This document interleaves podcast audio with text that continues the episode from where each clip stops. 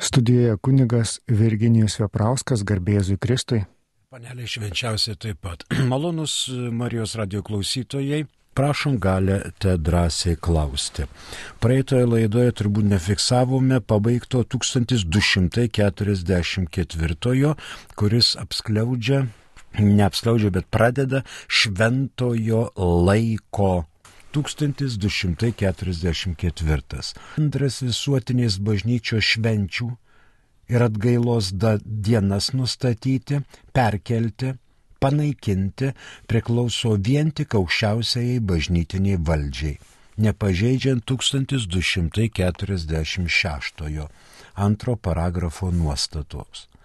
Diecezniai vyskupai savas švenčių ar atgailos dienas savo vyskupijoms arba vietoms gali paskelbti tik atskiro atveju. Iš praeitos laidos mes turime klausimą. Prašom. Žiauru, kaip beprotės moteriškos iš Lietuvos centro kliedė be dievės, tai didžiulis minusas Marijos radijų leisti tokias klėdenas į eterį. Tikrai. Jūs paminėjot, kad tai yra Lietuvos šeimos centras. Aš nežinau, kokias klėdenas jos ten tos moterys beprotės, bedievės skleidžia, bet jeigu tai šeimos centro atstovai, o šeimos centrą tvirtina vyskupai, tai manyčiau, ten turėtų būti ir atsakingas už doktriną, kad bedievės beprotės moterys neskleistų klėdenų. O jeigu jau Marijos radijas leidžia į eterį šitą informaciją, tai žinoma, jinai turėtų atitikti bažnyčios mokymą. Ir nemanau, kad tai yra minusas Marijos radijui. Dabar, aišku, yra susilpnėjusi šeimos pozicija, todėl Lietuvo šeimos centras nori atstovėti ir tvirtina tas idėjas, tas mintis, kurias palaiko bažnyčia. Ir tai neturėtų būti klėdenos. O jeigu turite kokių minčių apie klėdenas, tai prašom tada paskelbti, galėtumėm padiskutuoti, kuri klėdena jums kliuvo už ausies. Ačiū. Toliau 1245. Nepažeidžiant dieceznių viskupų teisės, apie kurią kalbame 87 kanone, klebonas dėl pateisinamos priežasties ir laikydamasis dieceznio vyskupo potvarkių gali atskirais atvejais suteikti dispensą nuo pareigos laikytis šventos dienos ar atgailos dienos, arba pakeisti ją kitais maldingais darbais. Tai gali ir popiežinės teisės dvasininkų vienuolinio instituto, ar popiežinės teisės dvasininkų apaštališkojo gyvenimo draugijos vyresnysis savo pavaldinių ir kitų gyvenančių namuose dieną ir naktį atžvilgiu. Žvelgtirėkime į 87 kanoną. Dieceznis vyskupas kiekvieną kartą, kai nusprendžia, kad tai bus naudinga tikinčiųjų dvasiniai geroviai, gali dispensuoti juos tiek nuo visuotinių, tiek nuo partikuliarinių drausminių įstatymų. Aukščiausiosios bažnytinės valdžios išleistų jo teritorijai ar jo pavaldiniams. Tačiau negali dispensuoti nuo procesinių ar baudžiamųjų įstatymų nei nuo tų, nuo kurių dispensuoti specialiai rezervuojama apaštulų sostai ar kitai valdžiai. Tai, taigi 1245. Čia aptariamas vyskupo ir klebono dispensavimas. Dispensavimo gale arba pakeitimas įstatymo pakeitimas. Žodžiu, civiliniai valdžioj tai turime parlamentą, turime vyriausybę, o čia bažnyčioje įstatymų leidžiamoji gale priklauso vyskupui. Ir vyskupas išleidęs įstatymus arba gavęs leidimą iš apaštalų sosto gali atleisti nuo įstatymo laikymosi. Ta pati gali ir klebonas. Pirma mintis, kaip girdėjote 87 kanone. Dispensa leidžiama, o pakeitimas nėra įvardintas ekspresis verbis, reiškia aiškiai žodžiais. Bet galima pasinaudoti analogiją. Dabar klebonas. 518 kanonas. Pasižiūrėsim iš eilės, čia dar bus keletas kanoniukų. 518. Paprastai parapija turi būti teritorinė. Tai yra apimanti visus konkrečios teritorijos Kristaus tikinčiuosius. Tačiau, kur tai naudinga, turi būti įsteigtos asmeninės parapijos, nustatytos pagal kokios nors teritorijos Kristaus tikinčiųjų apeigas. Kalba, tautybę ar pagal kitus kriterijus. Tai reiškia, teritorija yra apibriešta kaip parapija, bet kartais parapija išeina iš tokių ribų ir turi būti apibriešta. Tada klebonui priklauso ir tie žmonės, kurie negyvena toje parapijoje. Dar galime žvilgterėti į 516 kanoną. Gal pirmąjį paragrafą. Parapija yra konkreti dalinėje bažnyčioje pastoviai įsteigta Kristaus tikinčiųjų bendruomenė, kurios pastoracija, vadovaujant diecezniam vyskupui, patikėta klebonui, kaip jos savam ganytojui. Galime ir kitus du perskaityti. Parapijas steigti, panaikinti, arba keisti priklauso tik diecezniam vyskupui, kuris neturi jų steigti, naikinti ar labai keisti, neišklausęs kunigų tarybos. Trečiasis. Teisėta įsteigta parapija pagal pačią teisę turi juridinio asmens statusą. Dabar toliau 540. Pirmas paragrafas. Parapijos administratorius saistomas tų pačių pareigų ir turi tas pačias teisės kaip ir klebonas, nebent dieceznis vyskupas nustatytų kitaip. Antrasis parapijos administratoriui neleidžiama daryti nieko, kas pažeistų klebono teisės ar galėtų padaryti žalos parapijos gerybėms. Trečias. Parapijos administratorius įvykdęs įpareigojimą turi atsiskaityti klebonui. Va dėl parapijos administratoriaus. Toliau 543 jei kunigams insolidum, jei kunigams insolidum patikėta rūpintis vienos parapijos ar kelių parapijų pastoracija vienu metu, kiekvienas jų pagal savo pačią nustatytą tvarką įpareigojami atlikti klebono pareigas ir funkcijas, apie kurias kalbama čia girdėtas 528, 529 ir 530 kanonas. Įgaliojimas asistuoti santokoms, kaip ir visos dispensavimo galios, klebonui suteiktos pačia teisė, priklauso visiems tačiau jos naudotinos vadovaujant moderatoriui.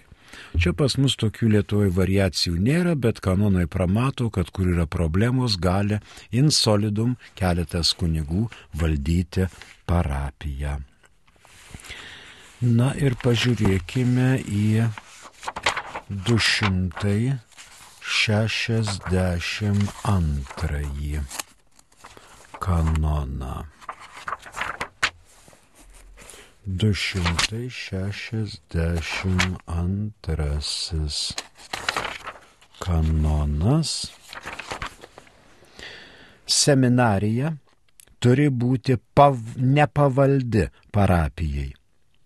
Ir visų esančių seminarijoje atžvilgių klebono pareigas, išskyrus santokos klausimus ir laikantis 985 nuostatos, turi atlikti seminarijos rektorius ar jo delegatas. Na, 985. Novicijų magistras ir jo padėjėjas, seminarijos ar kitos ugdymo įstaigos rektorius neturi klausyti savo auklėtinių gyvenančių tuose pačiuose namuose sakramentinių išpažinčių. Nebent auklėtiniai atskirais atvejais to prašytų laisva valia. E, mus turbūt pasiekė SMS žinutė, prašom. Jėzus neužsimena, kad sakramentų kultivavimas būtina sąlyga išganimui pasiekti, negi padoriam samariečiui, nenaudojančiam sakramentų relikvijų, bus dangaus vartai užtrenkti, nors jis mylėjo savo artimą. Sofistinis klausimas. O kur jūs randate užuominą, kad Jėzus įkūrė vyskupijas? Kad Jėzus įkūrė kūriją? Kad Jėzus surašė bažnytinį įstatymą, kanonų teisės kodeksą? Arba bažnytinį teismą, kur jūs matote, kad Jėzus įsteigė karitą. Ir taip toliau, ir toliau, toliau. Galima prieškoti labai daug tokių dalykų. Bet, matot, mes naudojamės tokia mintimi, kad ne viskas yra surašyta Biblijoje. Dar mes turime ir tradiciją kurios vedina bažnyčia šventosios dvasios vadovaujama, vysto savo bažnytinę veiklą. Jėzus aiškiai pasakė, aš jums atsiųsiu šventąją dvasę, kuri primins jums viską, ką esu pasakęs. Primins. Ir Jėzus niekur nepasakė, kad rašykite mano žodžius, fiksuokite mano posakius ir parašykite ant papiruso tai, ką esu pasakęs. Niekur. Jis paliko žodinę tradiciją, kuri buvo vėliau surašyta ir dabar naudojama kaip etalonas. Ačiū už klausimą. Prašom toliau. Nėra daugiau nieko, taip? Aha, gerai, einam tada toliau prie 1245 kanono. Čia galima pasižiūrėti, ką klebonas gali. Nuo 136 iki 144. Čia jau gabaliukas. Vykdomąją valdžią pavaldinių, net jei jų ir nebūtų teritorijoje atžvilgių, gali naudoti asmuo ir net, net ir nebūdamas teritorijoje, nebent kitaip reikalautų dalyko prigimtis ar teisės nuostata. Ja galima naudoti keleivių esančių teritorijoje atžvilgių, kai reikia suteikti malonės ar vykdyti tiek visuotinius, tiek partikuliarinius įstatymus. Va, jeigu klebonas sėdė savo parapijos centre, tai nereiškia, kad jis palikęs tą savo parapijos centrą negalėtų duoti dispensą savo pavaldiniams esantiems irgi ne parapijos teritoriniuose vandenyse. Gali. Tai čia nuo 136 iki 144. Na, dabar galima pasižiūrėti ir nuo 85 iki 93 kanono. Šitas visas mintis apie klebono galės ir apie dispensavimą. Trečioji mintis prie 1245. Vyresnieji, esant svarbiai priežasčiai, irgi gali laikantis išleistų dokumentų teikti dispensą. Gal žvilgterėkime į 89 kanoną. 89. Klebonas ir kiti kunigai arba diekonai negali dispensuoti nuo visuotinio ar partikuliarnio įstatymo, nebent ši gale jiems aiškiai būtų suteikta. Pavyzdžiui, klebonas negali atleisti parapijos nuo sekmadienio šventų mišių laikymo. Negali. Tai visuotinė teisė. Ir negali viršyti savo įgaliojimų dėl vietos vyskupo išleistų įstatymų toje vyskupijoje. Bet savo parapijos ribose jisai gali. Gali dispensuoti. Rytų kanonuose 1243 45 atitikmens nėra. Fiksuojame.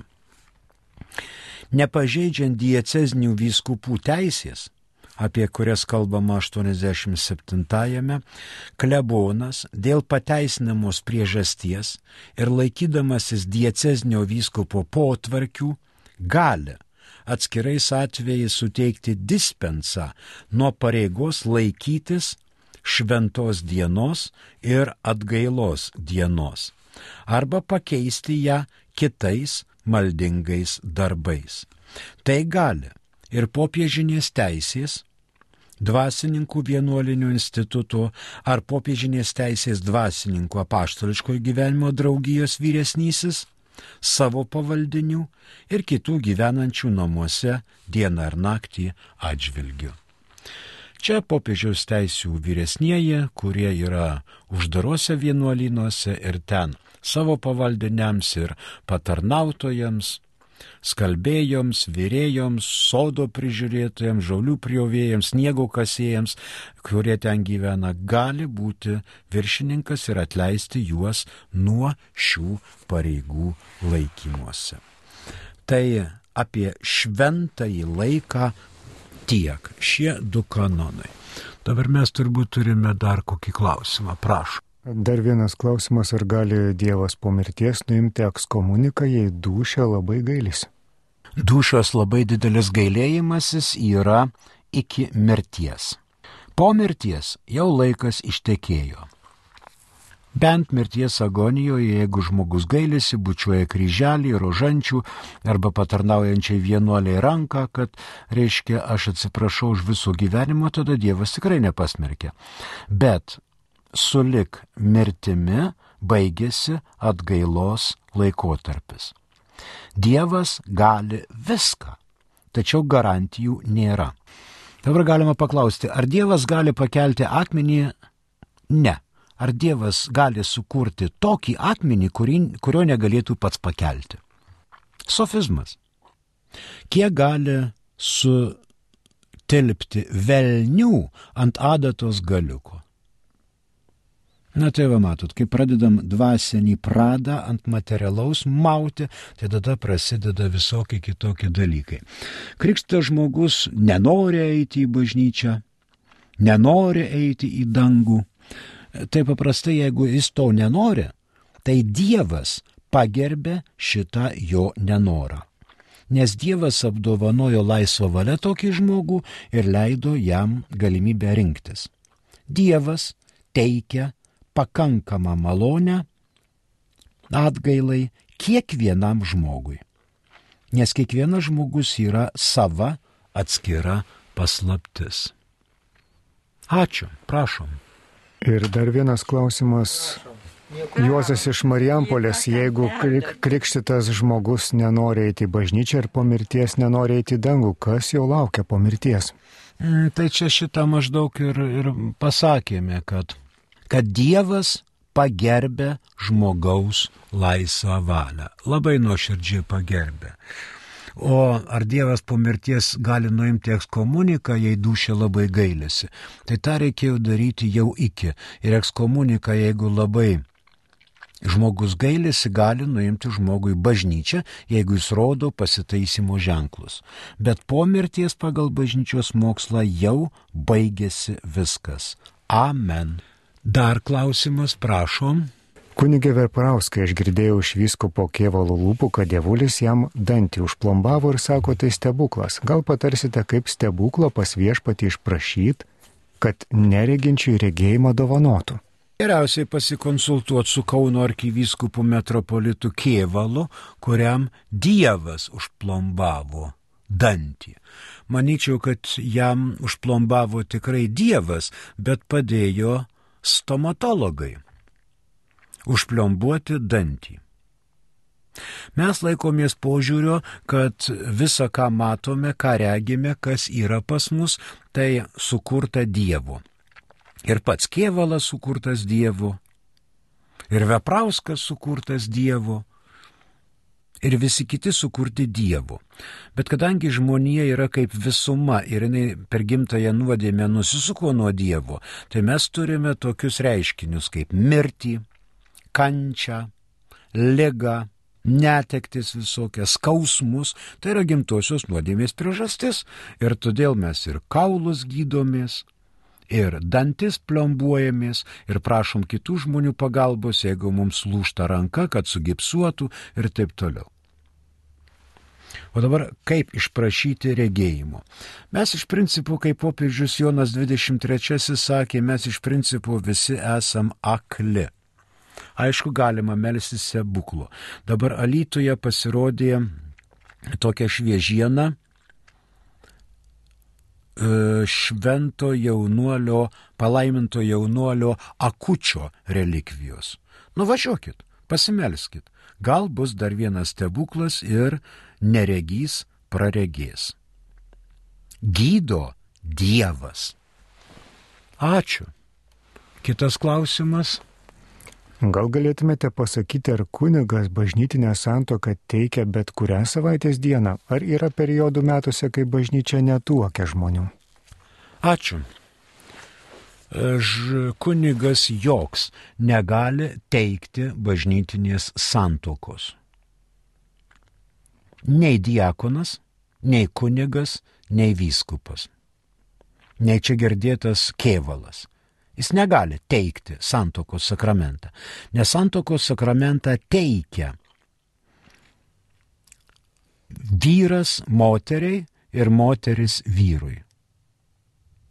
Bet tai nereiškia, kad mama sūnui gali duoti santokos sakramentą ar, ar duktė tėvui. Tikrai ne. Yra tyrimukas ir tada nusistatomos datos ir kunigas tik laimina šitą santoką o teikia sakramentą jaunavedžiai vienas kitam. Dabar bet kurią savaitės dieną tikrai galima teikti santokos sakramentą.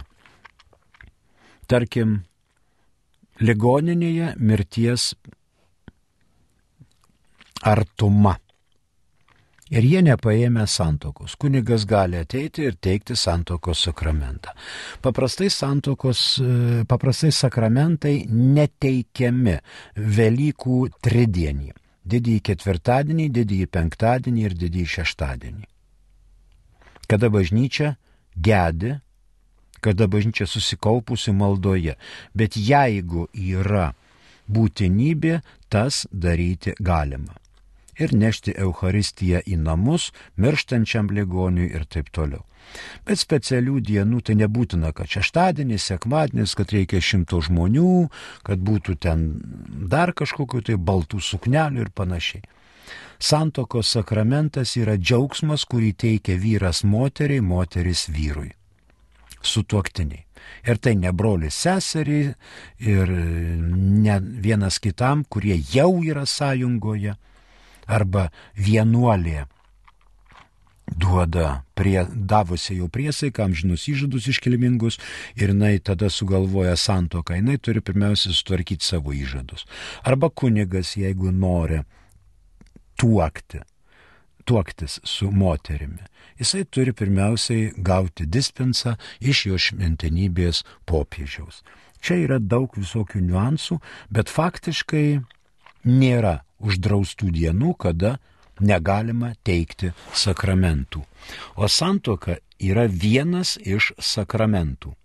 Žinome, krikštas, sutvirtinimas, švenčiausias sakramentas, atgaila, ligonių patepimas, kunigystė ir, žinoma, santoka.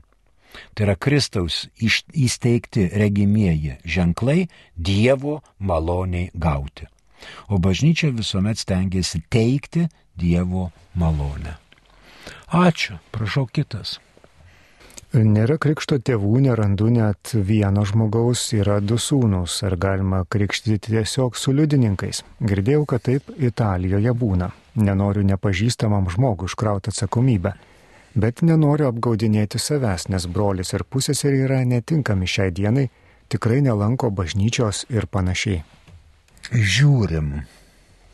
Nėra krikšto tėvų Tai, kol dar nepakrikštas sūnus arba du sūnus, tai aišku, tų krikštų tėvų nebus, bet reikia jų paieškoti. Krikšto tėvai ir yra būtent liudininkai, bet jie turi atitikti kriterijus. Pilnai užtenka vieno krikšto tėvo arba vienos krikšto motinos bet kad jie būtų krikštyti katalikų bažnyčioje, privesti prie pirmos komunijos, prie sutvirtinimo sakramentų, e, vestų gražų, kilnų krikščionišką katalikišką gyvenimą ir taip toliau. Čia jau sprendžia kunigas, į kurį kreipėtės dėl šitų dviejų vaikų krikšto. E, dabar Italijoje Italijoje yra multikultūrinė terpė. Gal ten taip ir yra. O gal ir nėra. Reikia pasižiūrėti, ar ten krikštyjama katalikų bažnyčia, bažnyčioje ir lotynų apieigų, kuriai mes priklausome.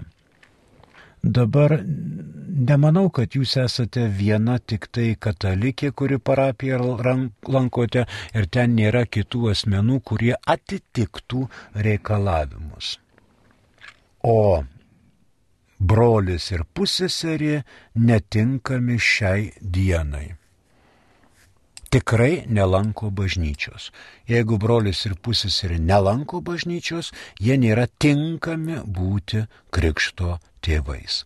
Reikia ieškoti draugų tarpe, pažįstamų tarpe, kas sutiktų įsipareigoti šios du sūnus užauginti ir išauklėti katalikų dvasioje. Prašom, dar turime. Jeigu Jėzus ar Jėzus žmogus galėjo melstis į Dievą Kristų, juk jis tolygus Dievui tėvui, juk jis tolygus Dievui tėvui. Taip, bet tai yra ne prigimties skirtingumas, tai yra asmenų skirtingumas. Tėvas sūnus ir šventoji dvasia. Sūnus apiplėšė pat save, savo dievystę ir tapo žmogumi. Ir šita vienybė tarp Kristaus Dievo ir Kristaus žmogaus yra hipostatinė vienybė. Ir kai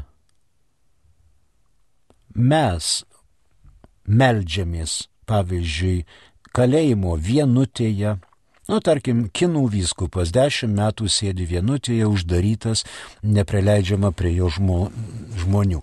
O Jėzus pasakė, kur du ar trys melsis mano vardu, ten ir aš būsiu jų, jūsų tarpe. Tai ką tam vyskupui daryti kaliniui, kuris neturi kitų asmenų aplinkui? Tada jisai meldžiasi į Dievą tėvą ir prašo, kad jam asistuotų Dievas sūnus ir Dievas šventoji dvasia. Štai jums ir trys asmenys, kurie asistuoja. Kurie asistuoja šitam reikalui. O dabar koks reikalas melstis į Dievą Kristui, Jėzui Kristui melstis į Dievą kaip į Kristų žmogų, nes Jėzus Kristus yra prisėmęs visą žmogystę išskyrus nuodėmę. Jeigu mes neturėtumėm nuodėmės, o kuriam gala mums reikalinga tada malda, ką ji mums duoda, mes tik garbiname Dievą ir šlovinam jį. Bet kadangi Jėzus buvo be nuodėmės, o mes esame su nuodėme, tai mums malda yra įprastas dalykas, o Jėzui melstis į save patį kaip į žmogų nėra jokio reikalo. Nėra jokio reikalo. Nes jis yra šventas. Visą dievystę mes randame Jėzaus asmenyje.